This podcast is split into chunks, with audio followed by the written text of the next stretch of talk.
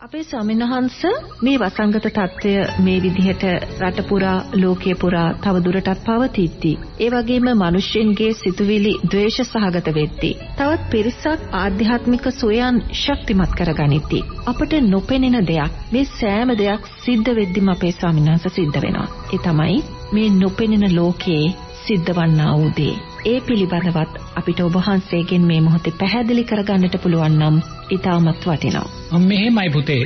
දැන් ওই කාරණේදී ඔබ දැන් මේ මට මතක් කරන්න යන්නේ දැන් මේ වගේ බලවත් අකුසලයක් විපාක දෙනකොට සමාජය තුල ඇසට නොපෙනෙන්නා වූ දේවලු සිද්ධ වෙන්න පුළුවන් කියන කාරණය.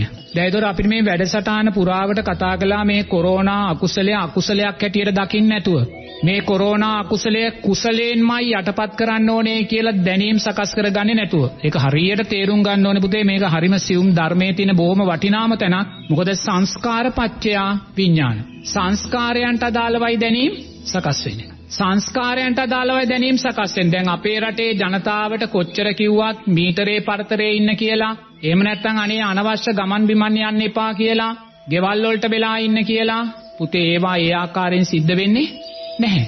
ඒවා ඒ ආකාරයෙන් සිද්ධ වෙන්නේ නැහැ. එතකොට ඇයි එහෙම නොසිද්ධ වෙන්න දැනීම් සකස් වෙන්නේ? ඒ නොසිද්ධ වෙන්න දැනීම් සකස් වුනේ දැන් බලන්න අර පසුගිය සිංහල අවුරුදු කාලේ මහා ජනතාවක් නගරවලට ඇවිල්ලානේ ඔය මහා රැල්ලට මුල ඇදුනේ. එතකොට බලන්න දැන් ජනතාවට පුතේ ඒ දැනීම් සකස් නොවුනේ. අනේ මේ සිංහල අවුරුදු කීයක් අපි කාලා තියෙනවද? අනේ මේ ඇඳුමකින් මොකද්ද කරන්න පුළුවන්? මේ ඇඳුම ඉරිල යන දි รา යන ඇඳුමක්. ඒ නිසා අනේ මට වටින්නේ ඒක නෙමේ. මේ රට නිරෝගීභාවයට පත් කරනවා කියන තැන ඉඳන් දැනීම් සකස් කරගන්න ඊට අදාළ සංස්කාර පිටිපස්සේ තිබ්බේ නැහැ. සංස්කාර තිබ්බේ නැහැ. දැන් හැමෝම මුවාවරණයක් දාගෙන යදි කෙනෙක් මුවාවරණයක් දාගෙන යන්නේ නැහැ. එයාට ඒ දැනීම සකස් වෙන්නේ නැහැ. ඇයි? ඊට අදාළ සංස්කාරයාට නැහැ. ඒතර පුතේ එහෙනම් අපි මේ හැම වෙලාවම දස කුසල් ගැන කතා කරන්නේ ආරෂ්ඨාංගික මාර්ගය ගැන කතා කරන්නේ මේ මේ ජනතාවගේ කුසලයේ ශක්තිමත් කරන්න. ජනතාවගේ පින ශක්තිමත් කරන්න. ජනතාවගේ කුසලයේ ශක්තිමත් වෙදී ජනතාවගේ පින ශක්තිමත් වෙදී ජනතාවගේ සීලය ශක්තිමත් වෙදී ජනතාවගේ විනය ශක්තිමත් වෙද්දී එතකොට ඊට අදාළව ජනතාව තුල දැනීම් සකස් වෙනවා. ඒතකොට ජනතාවට එහෙම දැනීමක් සකස් වෙන්නේ නැත්තේ මේ රට විවෘත කරපු ගමන් ආයිමත් විනාශය කරා යන විදියටම හැසිරෙන්නේ පුතේ ජනතාවට ඊට අදාළ සංස්කාරයන්ගේ ශක්තිය දුර්වලයි නිරෝගීභාවයට. ඉතින් ඒ නිසා මේක මතු කරගන්න. ඒකයි අපි කියන්නේ. නමුත් කුසලය ගැන අපි කොච්චර කතා කළත් සමහර විට අර පාලක මහත්තුරු ඒ වැව්වාම hina වෙනවා ඇති. මේ හාමුදුරන්ට මොලේ හොඳ නැද්ද දන්නේ දවසකට 100 ගාණක් මැරෙනවා. මේ ආමුදුර කුසලය ගැන කතා කරනවා කියලා. අපි කතා කරන්න ඕනේ එන්නත ගැන අපි කතා කරන්න ඕනේ ඔක්සිජන් ගැන පුතේ. ඒවා ගැන කතා කරන්න ඕනේ තමයි. නමුත් දරුවෝ ඒවා ගැන කතා කරන්න සිද්ධ වෙලා තියෙන්නේ පුතේ මේ දස කුසල් ධර්මයන්ගේ දුර්වලභාවය නිසා. බුදුරජාණන් වහන්සේ කියනවා නම් දස කුසල් ධර්මයන්ට සක්විති රජ කෙනෙක් පහල කරන්න පුළුවන් කියලා. එහෙනම් දරුවෝ දස කුසල් ධර්මයන් තුල මේ සියල්ල යට කරගෙන නැගී හිටීමේ ශක්තියක් තියෙනවා. ඒක තේරුම් ගන්න. ඒක තේරුම් ගන්නවා වගේම දැන් අපේ රටේ මරණ කීයක්ද පුතේ දැන්? ඔය දැන් 4000 ගාණක් පැනලානේ තියෙන්නේ. ඒතර පුතේ මේ සෑම මරණයක්ම පුතේ මං හිතන්නේ ධර්මය ගලපාගෙන මැරුණ මරණ නෙමෙයි. ඥාතීන් දුකටපත් වෙලා ඒ රෝගීන් දුකටපත් වෙලා Taman මැරෙන්න යන මොහොතේ දන්නවා දෙයියනේ මට පාංශකූලයක් නැහැ. මට ආගමික චාරිත්‍රයක් වාරිත්‍රයක් නැහැ. අනේ මාව බලලන්නේ පෙට්ටියක දාලා මං අර පොලිතින් එක සීල් කරලා අර ගිහිල්ලා පුච්චනවා අවම වශයෙන් ඥාතියෙක්වත් අවසාන මොහොතට නෑ. එයා දන්නවා මැරෙන මොහොතේ මගේ මිනිය ගෙදෙට්ට ගෙනියන්නේ නෑ කියලා. එවැනි මරණ පුතේ අපිට ගොඩාක් සුන්දර මරණ හැටියට දකින්න බෑ. එවැනි මරණ අතරක් තියෙනවා ධර්මයේ ගලපගෙන සෝවාන් වෙච්ච මරණ ඇති. ධර්මයේ ගලපගෙන සකු르දාගාමි වෙච්ච මරණත් ඇති. ධර්මය ගලපගෙන දිව්‍ය ලෝකෙ ගිය මරණත් ඇති. නමුත් පුතේ මම දකින්නේ වැඩිපුර තියෙන්නේ දුර්වල වූ මරණ. ඒ නිසාම මේ කොරෝනා අකුසලයේ තුල මෙච්චර අපි කියන්නේ දස කුසල් ධර්මයන්මයි එකම දේ කියලා මම දැන් පුතේ හැම පන්සිල් මළුවටම සමහරු hina වෙද්දිත් මම කියනවා. සමහරු hina වෙනවා. හාමුදුරන්ට මොලේ හොඳ නැද්ද දන්නේ දවසට 200ක් මැරෙනවා මේ හාමුදුරුවෝ දස කුසල් ගැන කියනවා කියලා. අපි තවත් දස කුසල් ගැනම කියන්නේ මේ මරණ මැරිලා පුතේ ඉදිරියේදී බලවත් අමනුෂ්‍ය ප්‍රශ්න රටට මතුවෙන්න පුළුවන්. මොකද මේ මැරෙන හුඟක්ම අසරණ භාවයෙන් මැරෙන්නේ. අර එදා විශාලාවේ අවසානයේ මහා අමනුෂ්‍ය ප්‍රශ්න ආවේ. එතකොට දැන් මේ මරණ කියන්නේ මෙතනින් මේ නැවතුණාගෙන කාරණේ හිතන්න එපා. මේ මරණයෙන් පස්සේ බලවත් අමනුෂ්‍ය ප්‍රශ්න මේ සමාජය තුල රට තුල මතුවෙන්න පුළුවන්. එතකොට ඒ අමනුෂ්‍ය ප්‍රශ්නවලට අපිට ඔරොත්තු දෙන්න පුළුවන් වෙන්නේ පුතේ එන්නතකින් නෙමේ. ඇමරිකාවෙන්වත් චීනකින්වත් නෙමෙයි ඔය මෝඩ සිතුවිලි හිතන්න එපා. මිත්‍යා දෘෂ්ටියෝක සම්මා දිට්ඨියක් නැහැ. අහිංසක අපිට බයින්න එපා. අපි කියන්නේ බුදුරජාණන් වහන්සේගේ ධර්මය. ඒ නිසා පුතේ ඉදිරියේදී බලවත් අමනුෂ්‍ය ප්‍රශ්න මතුවෙලා මේ ජනතාවගේ සිතුවිලි මීට වඩා චංචල කරන්න පුළුවන්. දැන් මතකනේ පහුගිය කාලේ පෙළපාලි ගිය හැටි නේද? ඈ මිනිස්සුયો කරන දේවල් නෙමෙයිනේ පුතේ.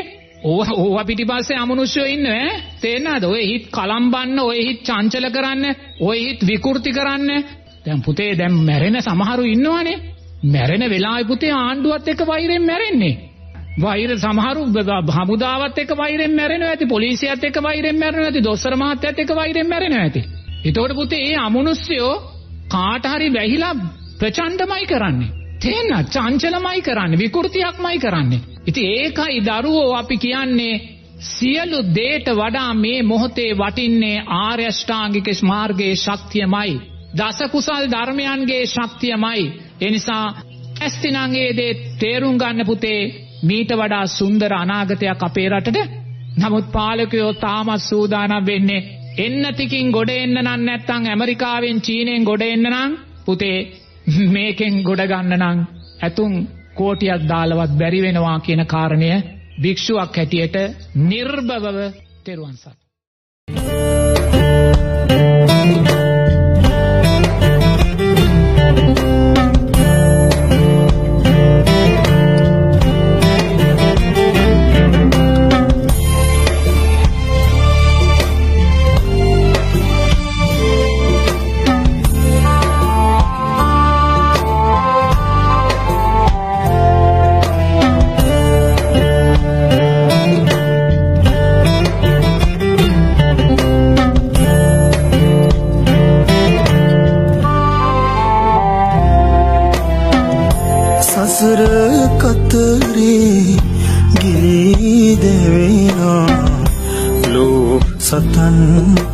සනහා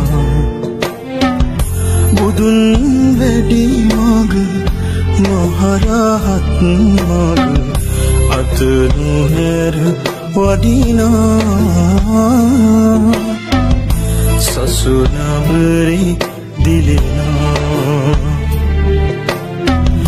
සුපුන් සඳ සසුන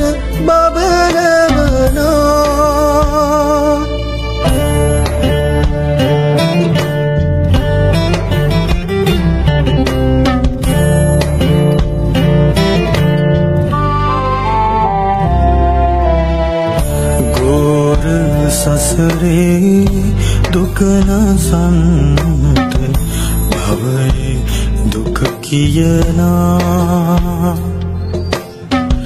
කුසල් ගමනේ අසිරිමත් දෙව් අසිරි පහදවනා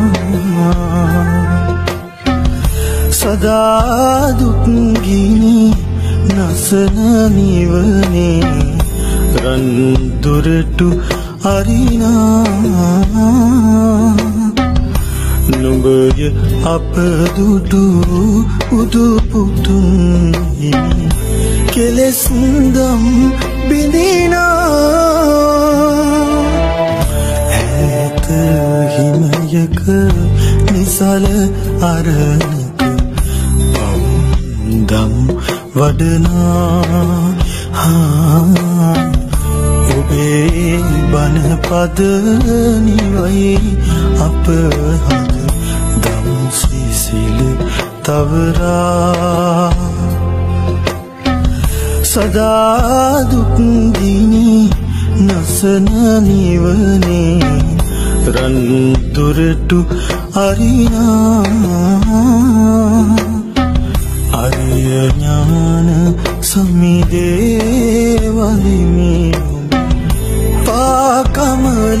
你把